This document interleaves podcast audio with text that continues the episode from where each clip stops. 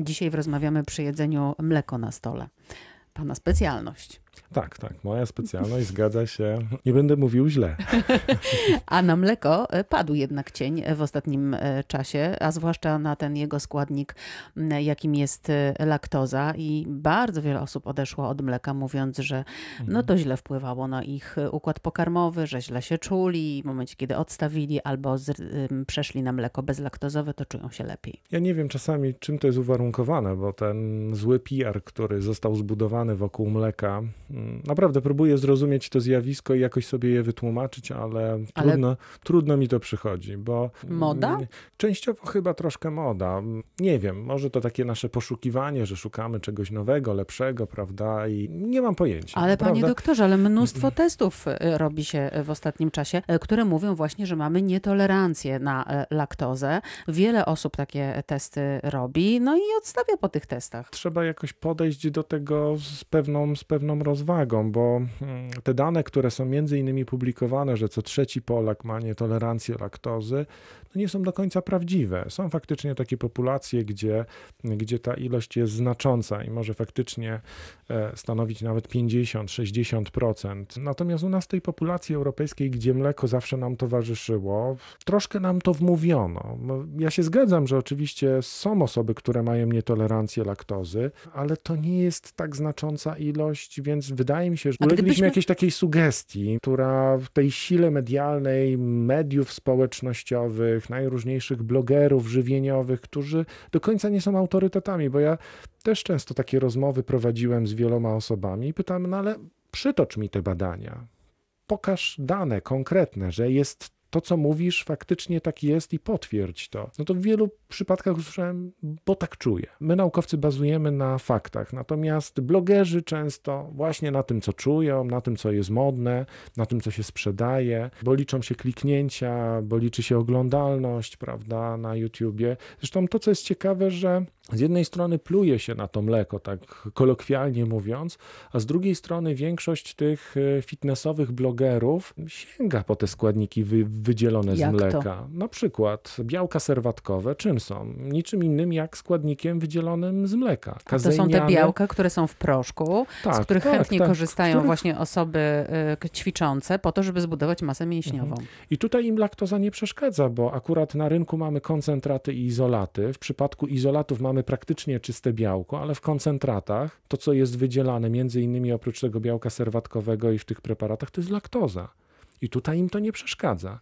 Natomiast jeżeli na przykład mówimy o batonach, które też są e, batonach białkowych, które są taką bardzo dobrą przekąską po wyjściu z siłowni. I na odchudzanie i też. też między innymi są właśnie na odchudzanie i są zalecane przez wiele osób, które negatywnie wypowiadają się na temat mleka, no to jakie białka tam są używane, jeżeli chodzi o mm, zbudowanie tego odpowiedniego poziomu białka w tym batonie? To są białka mleka, to są albo kazeiniane, albo białka serwatkowe. Nie wiem, słyszeliśmy jakiś taki tak negatywny PR o maśle, jak na przykład o samym mleku. Z o, i swego czasu też było źle o maśle. Tak, tak, ale na szczęście... Zachęcano nas do jedzenia margaryny. Ma margaryny, co, co też było jedną wielką bzdurą. Kiedyś mówiło się, pij mleko, będziesz wielki. To pewnie e, temu hasłu bardziej pan hołduje. Tak, tak, ale ja jestem za takim umiarkowanym spożyciem produktów mleczarskich, bo w, proszę pamiętać, że dieta ma być urozmaicona. Produkty mleczarskie są bardzo ważnym elementem takiej prawidłowo skonstruowanej diety, bo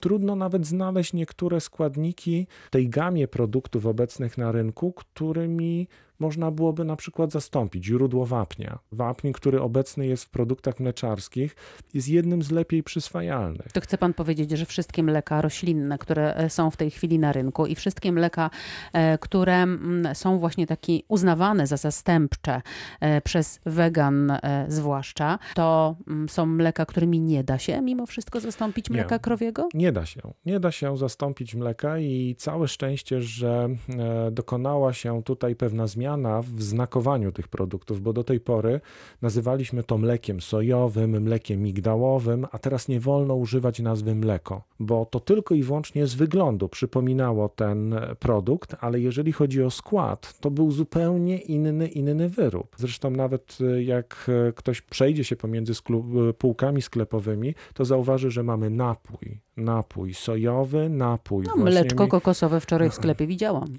Ale mleczko, nie mleko. A jakie znaczenie ma zawartość tłuszczu e, w mleku? Osoby, które się odchudzają, kupują mleko e, z informacją na etykiecie 0% tłuszczu. To jest mleko lepsze dla zdrowia, czy też gorsze dla zdrowia? Jeżeli ktoś nie ma problemów z gospodarką lipidową, spokojnie ten umiarkowana zawartość tłuszczu 1,5-2%, nie mówię o mleku pełnym, bo faktycznie jeżeli ktoś tego mleka wypija sporo, to to, to może być zbyt duża dawka kalorii, kwasów nasyconych. A pełnotłuste to Nie. jest to 3,2. To 3,2. Natomiast jeżeli mówimy o mm, tłuszczu, to on jest jak najbardziej wskazany w diecie, bo tłuszcz mleczny zawiera, nie wiem czy nasi słuchacze o tym wiedzą, skoniugowane dieny kwasu linolowego. One Co to są znaczy? to, to są takie kwasy, które są oznaczone jako CLA. Je można kupić między innymi w aptece jako taki środek i suplement, który wspomaga naszą gospodarkę lipidową. I one tylko występują w mleku przeżuwaczy. Po co się je żadnej- kupuje i do czego, co one poprawiają w naszym organizmie? One przede wszystkim obniżają poziom cholesterolu, szczególnie tej złej frakcji LDL, ale też stymulują rozwój mięśni.